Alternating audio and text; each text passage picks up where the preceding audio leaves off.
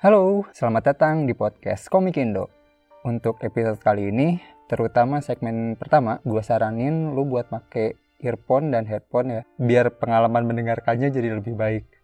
Episode ini akan membawakan komik Tomorrow I'm Going to End My Life, karya Katrina Ramafika.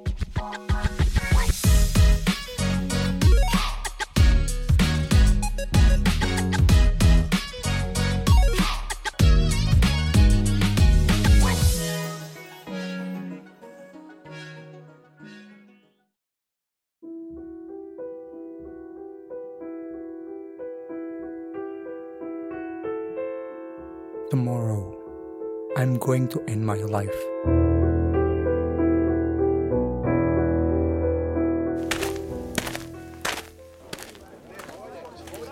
I had it all planned well. I've researched the most unpainful way to go. I've written the letter. It's not very responsible, but I've boarded my cat to my trusted pet shelter. They will take care of her after I'm gone. What's left is to say goodbye.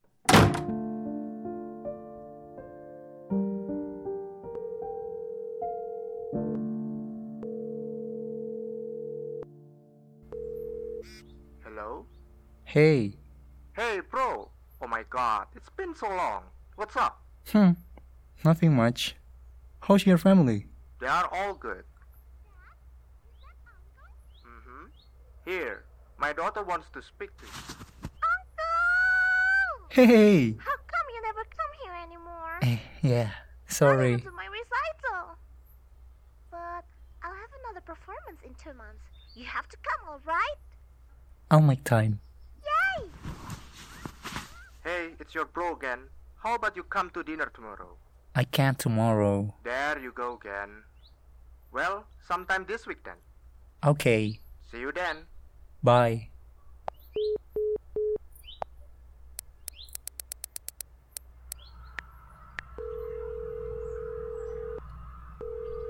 Hello.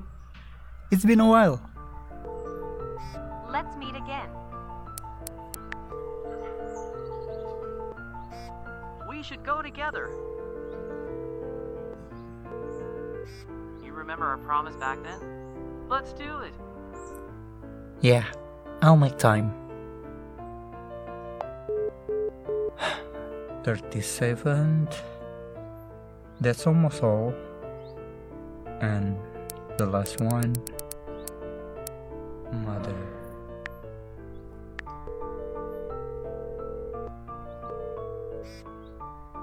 Hello? Mother?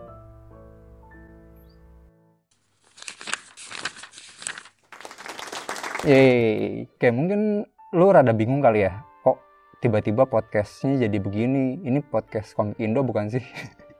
ini tenang aja, ini bener kok podcast Komik Indo. Cuma eh, di episode Komik Indo terakhir di season 2 tahun 2023, gua mau coba bawain dua konsep yang rada beda gitu. Ya, yang pertama yang di awal tadi itu adalah cuplikan dari audio drama komik Tomorrow I'm Going to End My Life. Ya, simpelnya gua mau coba ngadaptasi eh, komik Tomorrow I'm Going to End My Life jadi konten yang bisa dinikmatin secara audio gitu. Ya, nggak tahu sih ini works atau enggak, but ya I hope it works. Dan yang kedua, ada sesuatu hal lagi yang beda di episode kali ini. Dan ini gue bikin karena ada request dari teman gue, ya teman kita juga. Dia bilang, eh mau dong ngebahas proses kreatif komikus di balik karya yang dia bikin. Ya, dia bilang sih lumayan buat yang lagi bikin atau yang baru mau berkarya, siapa tahu jadi terinspirasi atau bisa ngadaptasi cara si komikus untuk ngebikin karyanya gitu. Ya, intinya ngintip dapur produksi lah. Ya, karena itu setelah setahun lebih lamanya gue rekaman sendiri ya, Forever Alone, sekarang gue ditemenin sama seseorang yang spesial, yang tidak lain dan tidak bukan adalah kreator dari komik Tomorrow I'm Going to End My Life, yaitu Kak Katrina Ramafika atau yang biasa dikenal sebagai Gambar Nana. Yeay! Halo. Halo, Halo, halo Kak halo. Nana, apa kabar? Baik, baik. Terima kasih sudah diajak. Wah, saya yang terima kasih sekali Kak Nana. Eh, senang banget akhirnya bisa ngobrol lagi sama Kak Nana setelah sekian lama ya. Oh ya, eh, mungkin sebelum dimulai aku izin sedikit bacain profil Kanana dulu ya. Oke, siap. Oke, jadi eh, Katrina Rahmavika atau Kanana ini adalah seorang komikus yang dikenal suka ngebawain komik yang angkat isu budaya, sosial, dan juga pendidikan. Kanana ini lulusan dari kampus ITB tahun 2015 dan sempat juga kerja sebagai graphic designer di Tekken Asia sebelum akhirnya menetapkan diri jadi komikus di tahun 2016. Karya-karyanya juga udah banyak ya, mulai dari komik-komik pendek yang bisa lu baca di sosmednya Kanana, terus juga ada beberapa yang udah diterbitin di penerbit mayor kayak Merah Putih Emas Anak Bawang atau Gastronomel. Dan ada juga beberapa komik Kanana yang sempat kolaborasi dengan komikus lain ya, kayak komik Tahta bareng Kelo dan A Space for the Unborn Broken Memories yang bareng Yuda ya. Itu juga merupakan spin-off dari game A Space for the Unborn yang sempat booming juga ya waktu rilis di Steam dulu. Oh iya, ya. Kemarin juga masuk Game Award ya. Iya benar-benar. Dan eh, komik pendek terakhir yang baru dirilis karena ini yang mau kita kulik kali ini juga berjudul Tomorrow I'm Going to End My Life. Ya kira-kira kayak gitulah ya profil Kanana. Eh, semoga tidak salah ya. Benar-benar kok, benar. Ada yang mau ditambahin nggak? Eh, nggak apa-apa sih, udah oke sebenarnya. ya pokoknya eh, kalau lu mau tahu lebih lengkapnya tentang Kanana ya bisa kepoin aja ke sosmednya Kanana atau googling aja deh udah ada Wikipedia-nya ntar lu baca sendiri ya thank you, thank you sama yang bikin Wikipedia-nya. Asik. Oke, eh, soal episode kali ini gue bakal berusaha ngorek lebih banyak informasi tentang komik terakhirnya Kanana ini. Eh, Ngomong-ngomong, congratulations dulu Kanana akhirnya bisa kembali bikin karya pribadi ya setelah sekian lama Oh, gitu. Terima kasih banyak. Iya. Ya, dan dengar-dengar juga penjualannya lumayan ya. Aku lihat di Lumayan. Tokped udah 100 lebih, belum Heeh, heeh. belum juga yang di Google Doc sama yang Indomaret juga katanya kemarin sold out ya. Iya, sold out dan katanya lumayan cepet sih sold outnya. Kayak memang terima kasih juga sih ke eventnya Komifuro yang emang kayaknya bisa emang jadi balik modal bahkan untung gitu komikus-komikus indie kalau di Komifuro ya. Tergantung juga sih sama komiknya cuma sejauh ini banyak juga yang kayak gitu. Iya, dan nanti eh, Januari juga mau buka open order batch Hmm. kedua. Heeh, jadi buat yang kemarin gak dapet gitu di Komifuro atau ketinggalan batch pertama, online order batch pertama bisa nanti bisa dipantau di sosmed eh, tentang informasi tentang pe- pemesanan online-nya. Oke, ya, berarti ya lu yang belum sempat dapat bisa nanti nunggu Januari aja lah Mm-mm, kayak. betul. Nah, mungkin oke Kak, mungkin aku pengen langsung nanya aja nih terkait komiknya. Boleh, boleh. Mungkin pertama pengen nanya eh, premis asli dari komik ini tuh sebenarnya apa sih Kak? Aku nanya ini soalnya premis asli itu menurutku cuma komiku sendiri yang tahu gitu. Ya, orang bisa ngira-ngira sih, tapi kan belum tentu bener ya. Eh, jadi sebenarnya dulu aku sempat kepikiran mau bikin cerita kayak gini. Tapi aku juga lupa waktu itu emosi atau pengalaman apa yang membuat aku pengen bikin ini. Eh, sekitar 2017-an. Nah, tapi waktu itu bikinnya adalah apa ya? Jadi orang ini mau kill themselves lah ya, mau suicide. Mirip-mirip sih. Jadi dia mengontak. Bukan kalau itu bukan mengontak orang-orang terdekat, tapi waktu itu karena dia tahu besok dia bakal end his life, dia memutuskan hari itu dia akan menyapa orang-orang yang selama ini nggak dia sapa gitu. Jadi misalnya kayak dia selalu lewat nih, terus ada tukang apa, misalnya tukang bunga lah, atau misalnya ada tukang tukang makanan apa, dia biasanya lewat doang, tapi hari hari itu dia memutuskan kayak, oh gue mau nyapa mereka, ah kan gue nggak bakal ketemu lagi sama mereka gitu. Misalnya sapam yang kita ketemu tiap hari tapi gitu-gitu. Nah terus dari situ dia kayak belajar lah tentang hidup terus eh, jadi mengurungkan niat dia gitu. Tadinya nih, premis utamanya kayak gitu. Itu bukan premis juga ya itu sinopsis. Iya iya. Iya sinopsis tadinya kayak gitu karena kenapa ya? Itu kan udah udah berlalu sekitar berapa tahun lalu ya? 2017 6 tahun lalu ya? 6 tahun lalu terus eh, jujur gue sendiri udah mengalami juga kayak suicidal thoughts gitu. Terus jadi gue kayak oh ternyata kalau orang mau end their life itu perasaannya tuh bukan seperti itu. Gimana ya? Kayak agak-agak miris juga sih. Cuma gue merasa kayak lebih memahami kalau orang mau end their life tuh gimana perasaannya dan akhirnya yang inilah yang gue bikin gitu. Karena mungkin ada juga sih orang yang kayak gitu tapi kayak lebih ke kadang tuh yang bikin kita mengurungkannya tuh dan kita berniat tuh bukannya kayak sesuatu yang apa ya? Kalau kalau di cerita yang sekarang kan jadinya lebih ke ada sesuatu yang trauma masa lalu yang udah dipupuk gitu kan. Dan Hmm. ketika itu akhirnya terselesaikan kayak dengan hal sekecil itu pun ternyata udah bisa gitu untuk mengurungkan niat kita. Jadi kalau di cerita sebelumnya kan kayak dia tersesat dalam hidup gitu terus dia eh, terus dia belajar dari lain. Mungkin ada juga yang kayak gitu tapi dari pengalaman gue sendiri ternyata bukan itu gitu maksudnya yang bisa bikin kita mengurungkan niat gitu. Karena alasan orang mau suicide tuh kayak lebih ke ada sesuatu yang dia udah tahan dari lama gitu. Kalau aku merasanya seperti itu sih. Jadi premis utamanya premis utamanya sebenarnya apa ya kayak ya intinya ada seseorang dia mau dia udah bersiap-siap untuk mengakhiri hidupnya tapi di di akhir ketika dia ngontek satu persatu eh, orang-orang yang dia kenal dan terakhir eh, ibunya sendiri itu dia mendapatkan kata maaf yang selama ini dia nanti nantikan dan meskipun itu membuat dia malah apa ya sebenarnya membuat dia malah sebel gitu ya maksudnya malah marah gitu karena dia udah begitu siap untuk mengakhiri hidupnya tapi malah kata maaf itu datang di saat-saat seperti ini akhirnya dia happy end sih sebenarnya. Akhirnya dia nggak jadi. Dia memutuskan untuk go on gitu. Seperti itu kira-kira premis utamanya. Berarti eh, sebenarnya ada ada dua proses ya maksudnya dari proses premis yang dari 2017 terus akhirnya berevolusi ke premis yang sekarang gitu. ya betul. Aku sebenarnya sering kayak gitu jadi kayak punya ide cerita nih terus kayak di sketsa-sketsa atau dicatat gitu ya terus kayak pas direvisit dalam waktu dekat kayak ah kayaknya nggak nggak nggak begitu udah nggak dapat gitu feelnya. Terus eh, bertahun-tahun kemudian mungkin ngelihat lagi kayak oh kayaknya ma- baru relate sekarang nih gitu baru baru dapat lagi feelnya sekarang gitu begitu. Oh kalau kalau gitu Hmm. boleh boleh diceritain nggak awal mula kenapa bisa dapat premis ini? Maksudnya kan Hmm, yang di hmm. 2017 tuh mungkin boleh dibilang belum dapat experience lah. Terus kan tiba-tiba kepikiran akan hal ini gitu. Yang Hmm. pertama tuh ngelihat fenomena di masyarakat atau gimana gitu mungkin boleh. Nah itu aku sebenarnya lupa sih kenapa yang 2017 bisa kepikiran buat bikin itu. Oke oke Nggak oke. tahu apa karena kayaknya oh aku tahu kayaknya kayaknya karena aku pernah baca satu cerpen buatan teman aku. Waktu itu kita bikin kayak antologi cerpen gitu. Terus salah satunya adalah ya itu tentang teman aku bikin tentang suicide gitu. Suicidal thoughts gitu. Aku lupa juga itu akhirnya gimana. Cuma itu kayaknya yang membuat aku memikirkan untuk bikin cerita dengan tema eh, itu gitu maksudnya suicide gitu. Ka- Kayaknya itu sih awal-awalnya ya.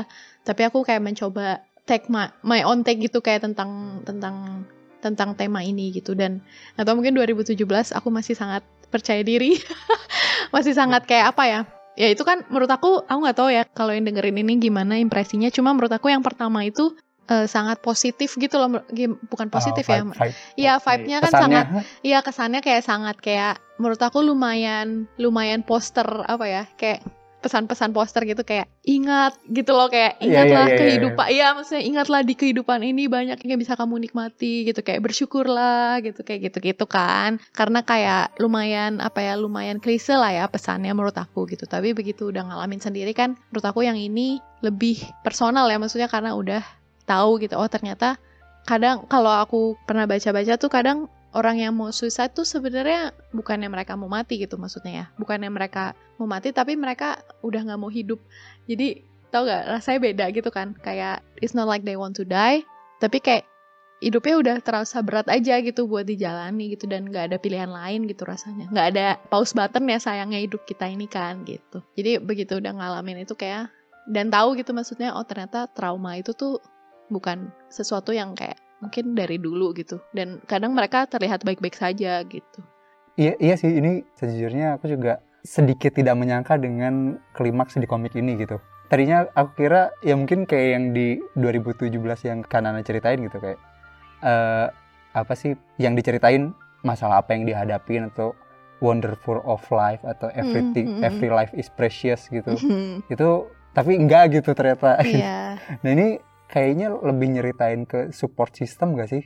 Atau trauma? mungkin lebih ke trauma sih kayak ini sebenarnya komik ini tuh nggak ada pesan-pesan apa ya maksudnya aku tuh selalu punya kecenderungan dari dulu ingin membuat komik yang konklusinya berisikan kayak eh, solusi atau kayak pesan yang orang bisa oh iya bener gitu maksudnya atau belajar hal baru gitu dari situ ya. Jadi kayak aku kadang bahkan dulu-dulu tuh aku kayak nggak mau eh, mengupload komik yang isinya curhat doang gitu. Maksudnya kayak aku pengen si curhatan aku ini nih harus ada solusinya nih biar pas orang baca tuh kayak misalnya dia ngerasain sama tuh dia habis itu tahu harus apa gitu atau harus mencoba apa gitu kan. Nah ini mungkin beberapa tahun belakangan aku mulai coba mengupload komik-komik yang memang curhat pure curhat doang gitu maksudnya nggak ada solusinya. Kayak terutama karena pas pandemi aku kayak stres banget sih. Terus aku pernah pas pandemi aku ngupload satu komik yang isinya beneran kayak cuma kenapa orang-orang kelihatan baik-baik saja gitu selama pandemi. Tapi Ah, iya. ya ada di IG kan ya. Terus aku kayak Hmm.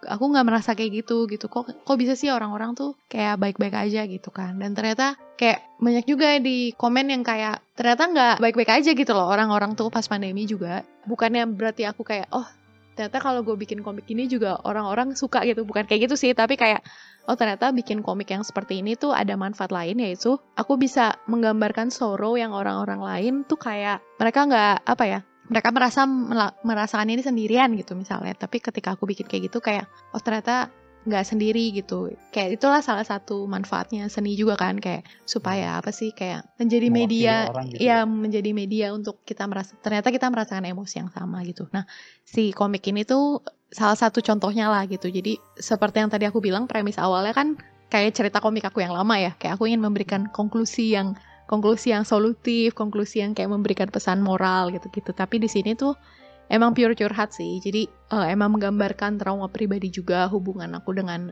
eh, ibu aku juga gitu. Dan lebih ke pelepasan trauma karena si kata maaf ini mungkin aku nggak akan dapatkan gitu di kehidupan nyata. Tapi jadi aku kayak apa ya aku juga nggak nggak bisa menceritakan banget kenapa komiknya seperti itu karena itu benar ngalir aja. Aku merasa kayak kalau suatu hari dia minta maaf gitu mungkin reaksi aku bakal kayak gitu gitu. Tapi it won't happen gitu karena kayak in reality mungkin orang tua yang mau minta maaf ke anaknya tentang apa apa trauma-trauma yang dia berikan kepada anaknya pun mungkin masih jarang banget gitu. Apalagi Asian parents ya. Iya bener. Ya mungkin aku juga tadinya rada kaget kenapa contoh kasusnya yang diangkat itu gitu Mm-mm, karena mm-mm. bisa dibilang ada beberapa kasus yang lebih general kan yang mungkin bisa lebih banyak relate ke orang. Hmm. Cuma aku ngerasa pun pas abis baca mungkin yang relate tidak akan eh, sebanyak kalau bikin eh, seperti yang di 2017 ya Hmm, tapi hmm, iya, iya, iya. tapi saat orang yang beneran relate dengan hal itu mungkin akan mendapatkan sesuatu yang lebih dalam sih aku berpikirannya kayak gitu sih kak. Iya, mungkin ya, ya. Kayak banyak kan sebenarnya sebenarnya tuh gitu kayak karena hostile parenting yang akhirnya membawa trauma ke kita sampai sekarang gitu. Jadi itu sih mungkin ya kalau orang orang-orang bisa relate ke si masalah itu gitu. Oke, berarti alasan mengangkat isu ini mungkin lebih karena ke pengalaman pribadi dan eh, relatable juga ya kali ya. Hmm, lebih ke Pengen curhat. ya pertama pengen curhat. Jadi beneran kayak curhat pribadi. Yang kedua nggak bisa dipungkiri aku merasa kayak judulnya juga ya kayak kenapa judulnya kayak sangat deskriptif tentang tentang isunya. Aku merasa itu bisa mengalihkan perhatian orang gitu. Maksudnya kayak "Ah, apa nih bukunya tentang apa nih gitu. Apalagi sekarang kan isu suicide thoughts dan mental health juga lagi tinggi kan. Hmm. Kayak lagi di banyak diomongin. Jadi ini juga salah satu isu masih tabu lah ya di Indonesia buat diangkat jadi karya gitu. Padahal realitanya kayak sangat it's not that little gitu. Maksudnya orang-orang yang merasakan ini tuh nggak sesedikit itu gitu. Oke, eh, karena tadi sempat ngomongin soal judul, jadi aku penasaran juga sama judulnya. Ini kan judul komik Kanana ini beberapa komik ada yang judulnya terkesan panjang gitu ya, kayak Ya, iya, yang iya. sempat viral dulu tuh kayak yang aku bertemu diriku saat berusia, Berusia 10 10 tahun. tahun, iya. Terus juga ada yang A Boy with Box Iya, on iya. His Head gitu. Dan termasuk juga yang ini yang Tomorrow I'm Going to End My Life. Nah ini Iya. kalau boleh tahu keputusan ngambil judul-judul ini tuh kenapa ya? Terutama yang yang judul yang baru keluar ini. Kan sebenarnya kalau mau dipendekin bisa ya. Mungkin kayak nulis suicide aja gitu atau goodbye doang gitu kan sebenarnya bisa ya. Mungkin gimana kak? Oh benar juga ya. Baru sadar. Kayaknya kenapa ya? Kalau ini pilihan yang unconscious sih, karena setelah aku pikir-pikir komik aku yang panjang judulnya pendek, komik aku yang pendek judulnya panjang. iya sih. iya, jadi mungkin kayak apa ya? Karena premisnya singkat, mungkin aku kayak pengen mencoba menaruh premisnya di komik. Jadi orang kayak langsung tertarik gitu kali ya. Kayak Hmm. gitu sih mungkin ya. Iya. Nah tapi yang tadi juga karena bilang kan sempat ada eh, komik yang panjang judulnya pendek ya. Hmm. Aku juga soalnya sempat baca juga komik Kanana yang lain yang Iya, iya. tahta, gastronomnya, Iya. terus Merah putih mas. merah putih emas sama yang kalau yang komik pendek ada yang grey itu sebenarnya. Ada yang mana? pendek kan. Grey yang Oh iya iya. Grey. Iya iya iya Ya. betul betul betul. Nah ini pandangan pandangan pribadiku ya. Ah, Kalau menurutku tuh judul komik Kanana itu setidaknya aku nangkep hmm. ada dua tipe sih. Yang Hmm. pertama tuh yang tipe yang lu baca judulnya, lu udah tahu komik ini bakal ngebahas apaan. Iya betul. Dan biasanya kayak gitu judul komik Kanana yang panjang-panjang. Yang satu lagi tuh tipikal yang lu bakal tahu kenapa komik Judulnya ini berjudulnya Iya, ini kal- iya. kalau lu udah lu baca, udah baca. gitu. Iya iya iya. Dan itu kemungkinan eh biasanya komiknya yang judulnya pendek-pendek gitu. Gitu gak sih Kak? Iya iya iya. Bener sih bener. Tapi aku juga baru sadar ya pattern ini. Mungkin ada kecenderungan karena kayak ya kalau komiknya pendek kayak lu tahu nih what's it's about gitu dari judulnya tapi terus apa yang terjadi gitu mungkin kayak gitu ya kalau sedangkan Hmm. kalau komik panjang kan orang emang udah baca iya bener sih lebih udah baca isinya baru tahu kayak oh makanya Karena, judulnya karena seperti ini bakal invest waktu juga kan ya mungkin seperti ya. itu ya kalau komik panjang kan dia bakal invest waktu jadi judulnya nggak usah terlalu menjelaskan gitu dan sekarang lagi tren juga kan sebenarnya judul yang menjelaskan banget premisnya gitu Oh gitu ya? iya kayak yang isekai isekai gitu kan kayak Oh, oh iya Iya yang kayak iya, I iya, turn into a slime and then a princess apa gitu kayak Iya, banyak iya, banget iya, ya kayak iya. gitu. Tapi nggak tahu ya itu kalau aku lebih ke unconsciously sih ngasih judulnya kayak di yang dirasa cocok aja gitu. Oke. Jadi terus juga aku penasaran nih sama komik ini. Kan komik pendek Kanana biasanya yang aku lihat eh, selalu ngeluarin dua bahasa. Biasanya Mm-mm. kalau di Instagram tuh eh, tengah judul terus eh, bilang kalau mau baca Indonesia kanan, kalau mau Ya, baca ya. Inggris kiri gitu. Iya ya. Nah ini tapi kalau judul untuk judul yang satu ini Mm. kayaknya cuma ngeluarin versi bahasa Inggris Iya, aja ya. Cuma ada Inggris doang. Eh, boleh tahu nggak kenapa cuma Inggris doang nggak ada Indonesianya? Mhm. Apakah karena memang pembahasannya yang restrict biar nggak semua orang baca atau Mhm. gimana? gitu?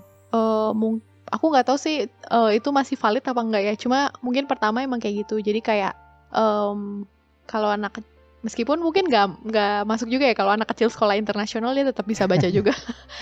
Iya, cuma eh, kemarin tuh sebenarnya udah udah coba di bahasa Indonesiain dan mirisnya adalah kata-kata ibunya di akhir itu kalau dalam bahasa Indonesia jadi biasa aja. Oh oke. Iya, jadi kayak jadi kayak orang tua Indonesia aja gitu kayak wah ternyata nggak masuk ya. Maksudnya nggak eh nggak kerasa kayak oh ini tuh sesuatu yang dalam artian kayak kasar gitu. Maksudnya ini kata-kata orang tua yang crude gitu yang kayak kayak tegas terlalu tegas sama anaknya gitu. Kayak kalau di Indonesia jadi biasa aja. jadi aku kayak oke kurang feelnya kurang dapet ya. Maksudnya kalau di Indonesia kayaknya biasa kan orang tua tuh ngomong kayak kamu nih bawa masalah terus buat mama gitu ya. Kayak kayak biasa gitu kayak bisanya bikin masalah aja gitu. Tuh kayak biasa aja gitu saya eh, ironinya ya maksudnya mirisnya tuh gitu. Dan kayaknya kalau yang kasar banget orang tua Indonesia adalah yang udah mulai memaki gitu pakai kata kasar kan. Misalnya kayak pakai Oh. brengsek apa apa gitu. Tapi aku nggak pengen nuansanya kayak gitu gitu maksudnya. Kayak nah pas ditranslate kayak ih kok jadi biasa aja ya? Jadi pas nah tapi pas bahasa Inggris tuh dapat gitu. Karena kayak mungkin kita nggak nggak tahu ya apakah dari psikologikal kita atau dari uh, pengalaman kita orang tua dalam bahasa Inggris ada orang tua yang bilang ke anaknya you bring nothing but trouble tuh kayak anjir kasar banget nih gitu. Kalau aku ngerasa kayak gitu gitu. Jadi itu salah satu alasan terkuat sih. Ini, ini sebenarnya aku sedikit nyadar juga akan hal itu sih, tapi bukan aku baru baru tahu kalau ternyata yang kurang pas itu di kata-kata ibunya. Aku tuh sempat nyadar eh, bahwa ini kalau pakai bahasa Inggris ada makna yang lain waktu eh, si anaknya ngomong mother ke ibunya. Ini aku Ah, nggak nggak iya, tahu iya. sih. Ya ya kayaknya iya ya. Itu sebenarnya bener sih itu salah satu yang dipikiran juga. Karena mother itu general banget kan. Jadi nggak memperlihatkan latar belakang budayanya gitu. Tambah kalau di Indonesia tuh kita punya gitu loh kayak kalau dia manggil mama ibunya mamah tuh dia latar belakang ekonominya seperti apa, latar belakang budayanya seperti apa. Ah, Sedangkan iya, kalau iya, dia betul, manggilnya ibu atau dia manggilnya bunda atau dia manggilnya umi, umi ada kan yang manggil umi ya? betul. Iya. Ya misalnya gitu tuh kayak kelihatan gitu ternyata. Dan kalau di Inggris mother tuh kayak general banget gitu. Dan kalau mom ya itu mom itu juga udah ada latar belakang budayanya gitu kan. Tapi kalau bentuknya mother tuh kayak general banget gitu lah. Dia kita nggak tahu kayak latar belakang dia kayak gimana gitu. Netral lah ya nggak Iya, ada, lebih, ada lebih netral. Sama tadi pas kamu ngomong itu kepikiran juga sih. Jadi aku juga udah terlanjur suka sama yang I will make time. Terus di akhir dia ganti jadi I will come itu. Jadi kayak kalau di Indonesia aku belum dapat gitu padanannya gimana yang kayak cocok kayak aku akan menyediakan waktu sama saya aku akan pergi kayak impactnya di Indonesia nggak sedapat itu nggak ada nggak ada relasinya lah nggak ya. sedapat itu gitu Pas bikin komik ini eh langsung kepikiran dari A sampai Z atau eh, satu-satu dulu maksudnya kayak dari ide tadi tentang suicide terus eh, baru berkembang dapat apa habis itu baru misal konfliknya dibikin atau gimana gitu. Em, ada beberapa komik pendek tuh yang dibikinnya tuh di tengah eh, perasaan emosi yang kuat gitu. Jadi kayak ada emotional burst yang bikin aku pengen nulis itu. Dan makanya kadang beberapa komik itu kalau perasaannya udah lewat aku nggak bisa lanjutin lagi gitu. Karena aku merasa udah nggak dapet emotional burst waktu itu gitu pas aku bikin. Nah ini mungkin salah satu contohnya. Jadi aku ada ide dari yang 2017 itu. Terus aku mikir kayak aku pengen coba bikin lagi. Terus aku tulis depannya karena depannya sama, jadi dia udah merencanakan, dia udah merencanakan, dia udah mengatur segala hal biar biar apa? Udahlah dia udah siap pergi gitu. Dan em, nah tapi kayaknya bagian dia nelpon sampai yang adegan minta maaf itu kayaknya itu ya emang terjadinya karena emotional burst waktu nulis itu gitu. Yang apa sih kayak perasaan waktu itu emosi waktu itu yang kalau aku trace back lagi mungkin agak susah juga karena kayak itu emang selintas waktu itu ya aja gitu. Makanya biasanya kalau lagi emotional burstnya itu aku sketsa semuanya aku tulis. Terus nanti eh, pas aku revisit jadi udah ada lah ya maksudnya udah ada draft yang bisa aku lihat. Terus aku aku revisit kalau aku feel okay with this kayak oh boleh ya gue lanjutin gitu. Kalau misalnya nggak nggak oke eh, mungkin ada yang aku ubah saat aku udah lebih netral gitu perasaannya. Sesuai dengan kayak eh, teknis bercerita gitu yang baik gitu ya gitu sih Oh. Berarti emang eh, buat khusus buat komik yang ini ya, mostly dibikin dalam satu saat, terus sisa-sisanya baru ditambahin belakangan Ya, waktu betul, direvisit betul. ya. Heeh. Sebenarnya mirip yang kayak I met my I met 10 years old myself juga sih. Jadi kayak ada ada emosi apa ya ada apa ya namanya emotional burst tuh Indonesianya. Kayak ada luapan emosi yang kayak pengen coba disampaikan saat itu juga gitu. Jadi ada beberapa yang kayak gitu sih. Oke, nah kalau kalau gitu eh, karena tadi ngebikinnya dari awal sampai akhir, ada ini nggak? Ada bagian tersulit eh, yang ditentukan di cerita ini nggak? Maksudnya ya karena emotional burst ya udah semuanya langsung dibikin sekali jadi atau ada yang beberapa kali sempat diubah apakah tadinya bukan permintaan maaf atau apa gitu Oh, jadi iya, iya. ganti-ganti. Em, kayaknya sempat ada ini sedikit sih, sempat ada kayak ya revisi-revisi biasa sih sebenarnya. Tapi ini jujur satu karya yang nggak sulit-sulit banget karena kayak tadi aku bilang ini kan curhat pribadi ya. Jadi kayak ngalir aja gitu, kayak beda sama mungkin komik-komik yang lebih sifatnya lebih infografis atau informatif gitu. Itu mungkin ada bagian sulitnya pas mencari data kah atau apa gitu. Mungkin eh kalau ada yang agak membuat ragu itu karena aku pas pas pertama nulis itu kan luapan emosi banget bahkan aku sendiri pun kayak meluap-luap dan em, aku nangis nggak ya? Cuma saya aku sendiri gitu kayak luapan emosi. Cuma pas mungkin paling sulitnya adalah saat kita bikin komik dengan luapan emosi. Kayak gini adalah saat kita revisit itu kayak karena emosinya udah nggak sama kita nggak tahu nih ini akan bawa impact yang sama nggak ya ke si pembacanya gitu. Hmm. jadi mungkin ada sedikit akan timbul sedikit keraguan gitu kayak apakah ini akan memberikan impact yang sama seperti saat dibaca gitu. Tapi eh, nggak tahu itu mungkin udah instinktif juga sih kayak "Ah, kayaknya nggak apa-apa sih kayaknya bisa ini karena kita udah terlalu terlalu terbiasa gitu sama ceritanya jadi udah nggak membuat emosi yang sama seperti waktu pertama kita tulis gitu Ya aku, aku juga soal yang karena tadi nulis abis itu ditaruh terus revisit lagi itu juga kayaknya beberapa penulis melakukan hal yang sama ya. Iya, iya, iya, biasanya. Baiknya emang gitu sih, kayak kita harus bisa merevisi ceritanya dengan sudut pandang yang lebih netral, karena apalagi kalau ceritanya mau kita suguhkan ke masyarakat gitu kan, maksudnya bukan untuk kita sendiri.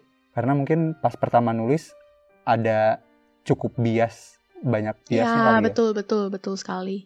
Bukan cuma yang soal emosional ya, misalnya kayak kita kepikiran pertama kayak anjir ide ini bagus banget nih, gue harus tulis Ah. gitu, misalnya kayak gitu. Terus tulis, tulis, tulis, tulis, tulis, kayak karena lagi berapi-api banget kayak ih ini the best banget nih, pasti story paling keren sedunia. Gitu. Terus pas tidur kita tinggal tidur terus besok baca lagi ternyata kayak hmm, ternyata biasa aja ya kayak nggak segitunya gitu kadang mungkin kita suka premis atau ide utamanya tapi kayak jalannya jangan kayak gini deh gitu-gitu Iya, iya, iya. Eh, aku tapi mau nanya juga deh. Tadi kan eh, aku soalnya penasaran juga sih. Karena aku kan ngasih preview sampai dia menelpon ibunya itu ya di Instagram ya. Aku tuh sebenarnya lagi mikir apakah ada orang-orang yang pas baca itu kayak kamu gitu mungkin kayak kirainnya bakal kayak gimana gitu. Apalagi berhubungan dengan ibu ya. Collective thoughts of mother kan seseorang yang mengayomi gitu, seorang yang melindungi, seorang yang menyayangi anaknya gitu. Pas baca ternyata akhirnya kayak gitu, apakah ada kekecewaan, kaget atau gimana? Kayak perasaannya apa gitu? Hmm. Kak, kalau kalau aku eh yang kurasain lebih ke kaget sih sebenarnya. Kecewa hmm, enggak, tapi eh, mungkin eh, ekspektasinya nggak dapet. Mm-mm. Kan aku udah punya ekspektasi, oh, Ekspektasi, kira-kira ya. kayaknya gini karena yang tadi Kanana bilang eh, sosoknya ibu gitu yang Iya. dikeluarin Iya, dan iya, iya. dan eh, general thought-nya itu ya Iya. mungkin kalau dari aku itu sih dan pas di belakangnya pun eh mungkin ya mungkin buat sebagian orang ngerasa ya kok gini Hmm, gitu hmm, tapi kalau misalnya aku mikir-mikir lagi ya memang kalau in real life ya shit kayak gini tuh happen gitu hmm, hmm, hmm. cuma aku nggak tahu apakah eh, pembaca lain eh, memikirkan what happen in real life-nya eh, nyampe ke mereka atau enggak sih itu yang aku nggak- Iya. iya. Em, pas dia mulai teleponan sama ibunya, terus dia kayak ibunya mulai kayak mencerca dia gitu, apa perasaannya? Apakah kayak udah tahu gitu, oh ternyata dia nggak kerap sama ibunya gitu. Tapi apakah masih berharap kayak ibunya nanti yang malah menyelamatkan dia atau gimana? Apa di situ udah mulai tahu, oh kayaknya bukan sesuai ekspektasi, bukan sesuai yang gue pikirkan di awal nih gitu. Iya, aku, aku udah udah kagetnya pas di situ sih, pas oh pas pas ibunya pas omongan nama ibunya itu ya. Dan lebih ke eh, apa ya, ke ekspresi anaknya juga sih. Maksudnya Iya. ya sebagai eh, anak Asian kan ya kita sering juga ya di Iya. dikatain gitu ya. Ah, kamu mau bikin masalah aja sih Mm-mm. gitu. Cuma eh, ekspresi kitanya juga kan ngaruh ya apakah kita eh, take it eh, maksudnya kan Iya, orang beda-beda iya, ya iya. maksudnya Kita eh, ada yang santai aja gitu atau ya ada yang nggak peduli atau emang Heeh. Eh, ada yang terpengaruh banget sama kata-kata itu ya. Mm-mm. ya dari gambar kanana kelihatan si main karakternya ini kena pas diomongin Mm-mm. sama ibunya gitu Ah, iya, iya, iya, iya. memang Oke. di situ berarti gitu Menarik, menarik. Iya sih. Terima kasih. Oke, kak oke Eh, terus aku pengen juga nanya soal visualnya nih kak ini sejujurnya aku tidak begitu paham soal visual tapi karena ini tujuannya adalah untuk mengintip dapur produksi jadi mau coba nanyain yang sempat kepikiran aja ini untuk komik ini tuh dominannya lebih kebanyak pakai Hmm. warna biru ya eh eh biru ya Betul. bener ya ya ya so- sorry ya kalau mungkin kalau buat kanana atau lu yang melihat dunia ini ya sangat warna-warni ya yang birunya biru navy blue teal atau apalagi lah ini mohon maaf ya gua buat orang awam nyebutnya biru doang iya. Ini eh, Biru navy lah ya, biru tua gitu kan ya. Ya, ini kenapa dominannya lebih ke biru kak Hmm. dibanding ke berwarna atau ya pakai hitam putih aja sekalian Mhm. gitu Pertama, ah, nggak mau berwarna karena takut terlalu warna-warni. Sedangkan Hmm, tema, ah, ya sedangkan temanya terlalu apa ya? Mungkin eh, kurang cocok lah gitu kalau full color. Meskipun nggak tahu juga ya, mungkin ada yang bisa bikin full color tapi tapi terlihat sorrow gitu mungkin bisa juga sih. Nah terus nggak nggak mau hitam putih karena em, aku pengen bikin ini tuh kalau hitam itu kan mencekam banget ya. Kayak maksudnya kematian itu hitam gitu. Tapi ini tuh aku pengen ngasih lihat juga bahwa dia tuh sudah memi- memikirkan ini dengan tenang gitu. Jadi kayak mungkin ada gitu juga sih. Kayak oke gelap tapi nggak segelap itu kok gitu. Maksudnya kayak it's all it's also have a calmness in it gitu. Kayak udah ada pemikiran juga tentang ini yang matang gitu. Makanya warnanya bukan hitam gitu, bukan hitam yang kayak sangat mencekam gitu. Tapi mungkin biru agak gelap. Nah, aku beberapa kali juga ngelihat novel grafis luar gitu artisnya namanya Michael Cho. Dia selalu pakai bicolor gitu. Ada satu novel grafis dia judulnya Shoplifter. Jadi Shoplifter itu tentang satu cewek yang dia klepto gitu. Nah, aku lupa lagi ceritanya apa. Pokoknya dia klepto terus ternyata ada hubungan dengan masa lalu dia juga atau gimana. Nah, itu tuh dia bikinnya hitam putih sama warna pink gitu. Terus aku suka, sejak baca itu aku selalu suka sih sama tone yang bicolor kayak gitu. Dan aku coba jadinya di komik ini. gitu. Yang di color gitu aku seringnya liatnya di ini sih di komik horor biasanya hitam putih merah. Ah ya ya Gitu iya. sering sering sering. Betul betul. Tapi kalau di kalau di luar itu banyak banget sih eh, novel grafis yang cuma pakai jadi dia tiga warna ya hitam putih dan satu warna. Karena sebenarnya perhitungan percetakan juga gitu. Jadi nggak usah Hmm. pakai full color. Jadi kan kalau cetak kalau kita cetak eh, yang bukan digital printing offset hitung printingnya per warna kan. Jadi kalau misalnya warnanya banyak itu tambah mahal gitu. Jadi biasanya kalau novel grafis di luar itu dia cuma tiga warna doang jadinya gitu. Jadi kalau misalnya kayak si si Tomorrow I'm Going to End My Life ini juga meskipun dia birunya eh birunya banyak ya maksudnya ada yang gelap ada yang lebih muda itu karena dia satu spektrum jadi nggak usah nambah warna lagi gitu. Jadi hitungannya cuma pakai tinta hitam putih sama biru aja gitu. Jadi banyak yang kayak gitu di kalau di luar. Nah aku pengen bikin efek kayak gitu. Tapi sama aja sebenarnya di digital printing jadi malah rugi karena hitungannya print warna tapi warnanya cuma Berwarna. satu persatuan warna itu kan yang konvensional dulu ya eh bukan konvensional sih lebih ke cetak buku yang banyak. Oh. Jadi printing offset itu dia pakai mesin print yang gede banget. Itu dia masukin tintanya kayak berapa doang gitu. Kayak majalah-majalah zaman dulu gitu. Itu tuh ya sampai sekarang sih sebenarnya. Majalah, koran, buku-buku cetak yang di toko buku itu pasti pakai offset karena Hmm. digital printing kan mahal. Nah kan sekali cetak seribu gitu. Nah itu pakai offset lebih murah gitu. Jadi makanya novel grafis di luar tuh biasanya mereka kayak cuma tiga warna itu biar murah. Tapi nggak hitam putih banget gitu. oke eh, ini mungkin aku coba lanjut lagi ya tapi Yap. ini pertanyaannya lebih general sih Mm-mm. karena aku pengen nggak cuma terkait komik Tomorrow I'm Going to End My Life tapi pengen tahu juga kalau Kanana ini ngebuat komik Hmm. eh, step by step yang biasanya dilakuin gimana sih kayak Hmm. mungkin tadi kan eh, nulis dulu atau misal Mm-mm. apakah dari idea dulu terus Hmm. dilakuin mind map sampai jadi premis terus ke script storyboard atau gimana kak? Eh, ada beda dua sih. Jadi kalau klien kan aku suka juga bikin komik pendek untuk klien ya di sosmed di Hmm. sosial media. Yang Kalau- yang Iya. Ya yang terakhir sama Cisdi itu yang tentang diabetes. Kalau itu ya relatif lebih gak usah cari ide lah ya karena kan eh, premis utamanya udah ada dari mereka gitu. Kayak kita mau eh, bikin komik yang menyadarkan orang misalnya tentang eh, bahayanya minuman pemanis dalam kemasan yang biasanya nggak disadari gitu kan. Terus itu sebenarnya juga mereka udah ngasih tahu sih kayak itu kan dari kisah nyata ya kalau yang terakhir itu. Jadi ada anak dia kayak ketagihan minuman manis gitu, canduan gitu. Jadi kalau itu lebih gampang. Meskipun sebenarnya dari skrip yang mereka kasih aku ubah lagi sih biar lebih enak ngalir dalam bentuk komiknya gimana gitu. Jadi biasa kalau dari mereka itu mereka kasih skrip, idenya juga udah dari mereka. Terus aku langsung adaptasinya bentuk visual.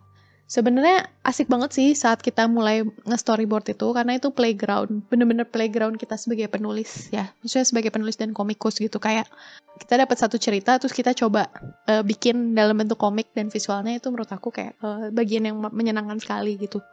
Terus eh, kita bikin storyboard. Kalau di ACC ya bikin line art, habis itu bikin color dan lalala selesai gitu. Tapi kalau misalnya eh, komik yang pendek-pendek yang di Instagram itu biasanya memang ada pemantik idenya entah pengalaman sendiri atau mendengarkan atau mendengar isu atau opini tertentu gitu yang bikin kita kayak, iya aku juga pengen ah beropini soal ini gitu. Gue pengen menggambar sesuatu yang kalau pendapat gue soal ini gimana sih gitu. Jadi eh, biasanya ada pemantik pemantiknya dulu eh, antara sebuah isu atau apa baru habis itu kita cari kayak idenya gitu ber- eh, berhubungan dengan isu tersebut. Kayak pandangan gue tentang ini bagaimana ya? Kayak apa yang pengen gue sampaikan nih kepada pembaca gue tentang isu tersebut gitu misalnya. Jadi dibikin dulu kayak ceritanya kira-kira gimana. Aku biasanya nulis dulu sih kalau itu. Nulis nulis nulis dulu. Habis itu baru dibikin storyboardnya gitu. Storyboard terus ya udah habis itu produksi kan. Nah kalau misalnya eh, cerita yang panjang yang kayak serial fiksi gitu ya itu beda lagi prosesnya. Kayak kalau itu mungkin lebih beragam ya. Ada yang kayak berangkatnya dari karakter terus karakter ini pengen gue masukin cerita apa ya gitu. Terus baru kita Oh, bikin iya. ceritanya dari karakternya itu ada yang kayak gitu. Aku juga pernah kayak gitu. Kayak merah putih emas itu kan awalnya kayak gitu ya. Kayak maksudnya karakter bawang merah bawang putih timun emasnya udah ada dari tugas aku pas kuliah dulu. Terus aku mau bikin ceritanya gitu kan. Jadi pertama gitu. Tapi ini kan aku lagi proses remake merah putih emas ya nah kalau proses Oh, yang lagi, lagi proses nih. Iya, lagi proses Wih, remake. asik dapat bocoran. Iya, kan lagi proses remake Merah Putih Mas. Nah, kalau yang di proses remake ini, aku malah coba dulu bikin, tapi ini agak kompleks sih sebenarnya. Tapi intinya kalau ini aku coba bikin dulu kayak message-nya atau pesannya. Habis Oh, itu eh, gimana nih bungkusnya dengan karakter-karakter ini dan cerita yang aku pengen bikin gitu. Itu sebenarnya tahta juga kayak gitu yang sama kosmik karena udah ada udah ada ide utamanya adalah kayak kita pengen bikin komik politik eh, remaja. Jadi dicari dulu nih pesan di akhirnya apa sih yang mau disampaikan gitu tentang berhubungan dengan eh, isu politik untuk remaja gitu. Ya habis itu baru disusun ceritanya mengarah untuk menyampaikan pesan tersebut gitu. Kalau aku kayak gitu ya. Jadi maksudnya menurut aku itu lumayan penting. Jadi menentukannya tuh pertama dari em, apa ya kalau orang bilangnya creator creators message ya? Aku lupa. Iya. pokoknya eh, intinya ada tema habis itu dari tema kan kita jadikan premis tapi habis itu ada kayak message yang kita mau sampaikan berhubungan dengan tema tersebut gitu. Jadi misalnya pun temanya persahabatan apa nih tapi yang mau kita omongin soal persahabatan gitu? Eh jangan persahabatan deh misalnya temanya cinta nih Eh, kan temanya cinta tapi message kita bisa beda-beda. Misalnya kita mau cinta itu berarti mengorbankan segalanya. Atau ada yang message-nya adalah cinta itu datang karena terbiasa. Nah itu kan ceritanya bakal beda banget kan. Yang satu mungkin kayak sangat dramatis gitu tapi ada yang satu mungkin lebih ke kayak keseharian eh, subtle emotion gitu-gitu. Berarti sebenarnya berangkatnya bisa dari banyak hal ya, maksudnya kayak yang merah putih emas yang awal Ya, kan dari berangkatnya karakter dari dulu, karakter ya. Kalau yang sekarang dan beberapa komik itu ada juga yang dari message-nya dari message-nya berangkatnya. dulu iya. Kalau mau ini aku mungkin agak sotoy juga sih. Cuma sebenarnya kalau mau standar penulisan yang teknik gitu sebenarnya baiknya mulai dari message dulu sih. Jadi kayak kan cerita itu berarti karakter akan mengalami perubahan di dalamnya kan nah kita pengen Hmm. karakternya tuh berubah dari apa menjadi apa gitu nah itu sebenarnya kalau secara teknik penulisan sih kayak gitu ya bagus ya kayak jadi kita menentukan di awal gitu kayak message-nya apa karakternya berubah dari apa menjadi apa gitu Sejujurnya aku juga lebih suka komik yang ngasih pesan ya dari dari kreatornya. Maksudnya bukan nggak selalu pesan moral, tapi eh, aku tuh kadang suka nyari ini komikusnya mau mau ngasih tahu apa sih lewat karyanya dia gitu. Em, ya aku juga cenderung orang yang selalu mencari kayak gitu sih. Kalau aku membaca sesuatu tuh aku cenderung mencari kayak apa ya maksudnya apa yang ingin disampaikan gitu sama kreatornya gitu. Cuma aku ber- bertemu dengan beberapa komikus juga yang approach dari awalnya nggak kayak gitu gitu. Jadi kayak oh Hmm. mungkin emang beda-beda. Kayak eh, Iya. Brian Brian Arfiandi Ya. itu dia kayak luas banget sih approach buat bikin story-nya. Kayak mungkin salah satunya yang sekarang lagi tayang tuh yang Hati Namo itu mungkin ya itu kan kayak pas aku dulu ngomongin sih kayak lumayan abstrak gitu kan sebenarnya sih. Meskipun mungkin ada pesannya juga ya cuma disampaikannya dengan cukup abstrak. Nah itu aku kayak kayak nggak sebenarnya nggak beda gitu lah beda beda approachnya. Jadi sebenarnya penulis juga punya approach yang beda-beda. Cuma kayak apa ya kalau kamu beginner dan mau coba mulai bikin cerita mungkin itu kayak satu kompas yang mudah lah ya maksudnya mau berangkat Hmm. dari apa yang mau kamu sampaikan gitu Apa? eh aku lupa kata-katanya apa sih? eh yang pertama eh, untuk berkarya ikutin aturannya dulu kalau udah tahu aturannya baru ya baru freestyle freestyle. iya betul Iya, iya, oke. Nah, eh mungkin ini sudah beranjak ke pertanyaan terakhir nih, Kak. Mm, mm. Sebenarnya pertanyaannya baru kepikiran tadi sih. Pengen nanya eh, dan terkait eh, komik secara general gitu. oh Eh, iya pengen nanya pendapat Kak Nana soal komik Indonesia eh, lima tahun terakhir tuh kayak gimana Susah sih? Apakah ada perkembangan gitu atau ya gitu-gitu aja atau justru malah kok kayaknya malah mundur ya? kayak debat kayak debat capres berasa ditanya debat capres Eh, Nah. ini eh, bentar Kak, aku kayaknya disclaimer dulu nih. Ini Mm, ini ini gue bilang kayak gini bukan karena deket-deket pemilu ya. gue bilang gue bilang lima tahun. lima tahun bukan- lagi pas banget gue bilang lima tahun kayak soalnya bukan ya bukan Hmm, iya hmm. lima tahun tuh sebenarnya biar kerasa aja perubahannya gitu Iya, loh, iya, bukan iya. soalnya kalau kalau setahun kan mungkin kerasanya terlalu deket ya terus Mm, juga mm. kalau mungkin bilang tiga tahun soalnya tiga tahun ke belakang tuh pandemi gitu pasti kepentoknya ke pandemi 2020 2021 Ah, iya, iya, iya. Nah makanya aku bilang lima tahun biar ada spare waktu yang Iya, rada iya. panjang aja gitu Mm, mm. ya ya mungkin boleh diberikan pendapatnya kak jadi menurut kakak apakah ada perkembangan di ya terakhir ini Eh, kalau aku ngerasanya saat ini ya jujur aku juga nggak terlalu bisa terlalu aku bukan orang yang bisa memetakan jauh ke depan gitu bahkan untuk pribadi gitu kayak paling goalnya kayak setahun setahun gitu. Cuma yang sekarang terlihat kan ada gelora lagi di komikus indie sama di eh, terbit independen komunitas sama event ya. Jadi kayak mungkin itulah yang akan menjadi rumah komik untuk saat-saat ini dan mungkin dan eh, kemarin menurut aku sempat mati juga karena nggak ada event kan pas pandemi gitu. Tapi ternyata begitu udah selesai dan on roll banget gitu langsung banyak banget event. Jadi mungkin itu yang akan menjadi rumah untuk komik Indonesia selama eh, untuk saat-saat ini. Ah mungkin sampai setahun ke depan masih kayak gitulah ya. Dan untuk industri itu sebenarnya em, agak sulit ya maksudnya. Kalau menurut aku kayak ada beberapa usaha yang udah lalu-lalu tuh untuk selalu mengindustrikan komik Indonesia yang akhirnya nggak terlalu bisa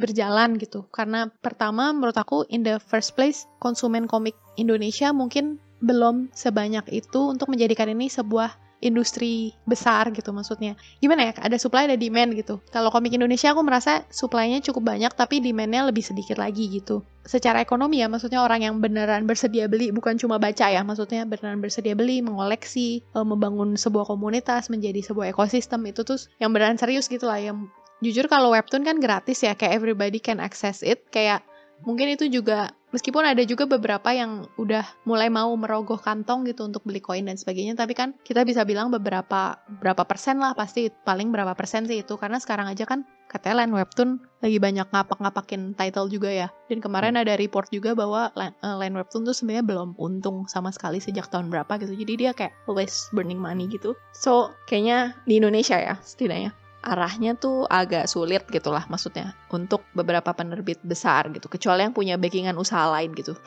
aku ngerasa kayak gitu Iya, iya. nah aku malah melihat gelorannya di itu event komunitas terus kayak em, independent publishing gitu. Karena eh, emang jadinya le- harus lebih bergerilya sih. Kayak harus punya branding di online juga gitu supaya offline-nya juga ada yang beli. Tapi aku udah mendengar dua kasus yang sangat menjanjikan secara profitable secara ekonomi gitu. Dan itu melalui event gitu. Yang pertama yang eh, Orange to Apple-nya Benny Shoga itu katanya kayak sold out banget di Komifuro kemarin. Kayak iya. wow itu. Dan itu emang well made banget sih. Tapi nah itu gerilyanya ya. Jadi kayak lu harus membuat presence dulu di online yang bener yang bagus eh, dan orang percaya jadinya sama apa yang dia beli gitu kan. Terus yang kedua eh, event yang aku dengar juga itu tuh yang Shortbox Comic Fair itu dia luar negeri sih. Cuma ada satu komikus Indonesia yang rutin ikut dua tahun belakangan itu Azam Raharjo yang komikus horor Oh iya. yang dulu bikin Tiap Oktober ya. Eh, yang, yang tiap Oktober dia ikutan. Iya dia tiap Oktober ikut terus dulu ya dulu kan dia bikin radio Algeria itu itu kan dan dia juga Iya. bilang itu lumayan profit gitu jadi mungkin emang baliknya rumahnya akan di sana kalau menurut aku dan dan nggak apa ya buat aku sih nggak nggak terlalu masalah juga ya tapi emang mungkin emang belum bisa menjadi kayak belum bisa menjadi kayak karir seperti di luar negeri gitu dengan industri yang lebih kuat, industri yang lebih dalam gitu. Tapi eh, untuk saat ini menurut aku rumahnya ada di situ itu juga udah cocok gitu. Karena judul-judul yang dihasilkan tuh mungkin bisa jadi lebih idealis dan dibuat dengan well made gitu daripada yang kayak kayak kapitalis yang kayak ngoyo gitu gitu sih. Kayak Iya, gitu. iya. aku romantisasinya seperti itu sih kayak gitu. Tapi kita kan nggak tahu juga ya ke depannya gimana Ya realistis lah ya maksudnya tidak tidak membagus-baguskan industri yang memang iya. bisa dibilang belum menjanjikan gitu. Tapi tetap ada jalan lain lah ya maksudnya Betul, tetap betul. ada jalur kayak indie event lah. Ya mungkin aku lihat juga hebatnya komikus-komikus sekarang karena ya jalurnya banyak yang ngambil jalur indie mereka jadi kayak apa ya jadi komikus yang harus paket lengkap gitu maksudnya dia nggak Iya, cuma nggak nggak cuma ngurusin eh, bikin komik ya ngurusin produksi juga marketing juga ya sales juga kayaknya semua harus harus bisa gitu tapi, tapi ya mungkin itulah sekarang yang bisa dilakukan sekarang kali ya Oh, tapi aku disclaimernya ini untuk judul-judul original ya. Maksudnya karena kalau Ah, iya. outsource, komik outsource itu kayaknya lumayan lagi naik sih. Kayak banyak yang nerima order dari luar gitu kan. Ya. Hmm, dari luar terutama. Jadi kalau itu sebenarnya lagi oke dan kalau misalnya mau kerja komik untuk monthly fee gitu mungkin sebenarnya ada jalan seperti itu juga. Cuma ini tadi omongannya untuk orang-orang yang mau bikin komik dengan judul sendiri gitu dengan titel-titel original gitu. oh mungkin terima kasih Terima banyak kan kasih. anak Ini Aduh, udah sudah menemani saya cukup lama nih Iya, terima kasih banyak atas kesempatannya udah mau berbagi ke kita dan apa ya mohon maaf juga kalau ada enggak sih bukan kalau ada ini pasti gue ada salahnya sih. Aku mohon maaf banget atas kesalahanku uh, nggak dalam proses pembuatan podcast ini. Dan apa ya uh, mungkin ada info lain yang mau disampaikan kan Nana? Mungkin uh, ada tanggal pasti untuk PO batch kedua atau mungkin karya yang lain yang mau disampaikan Belum ada lagi. Aduh, belum ada. Tapi ditunggu aja di Instagram aku @gambarnana. Eh, harusnya Januari bisa segera sih aku infokan kapan PO-nya dibuka gitu. Oke, ya. jadi gitu ya kalau lo belum punya komik uh, Tomorrow I'm Going to End My Life, uh, siap-siap aja untuk di PO di bulan Januari 2024 nanti. Uh, link-link terkaitnya bakalan gue taruh juga di deskripsi dan jangan lupa dukung terus perkomikan Indonesia bukan hanya karena nasionalitas tapi juga karena kualitas. Sampai Uh, ketemu lagi di episode berikutnya. Dadah. Thank you ya.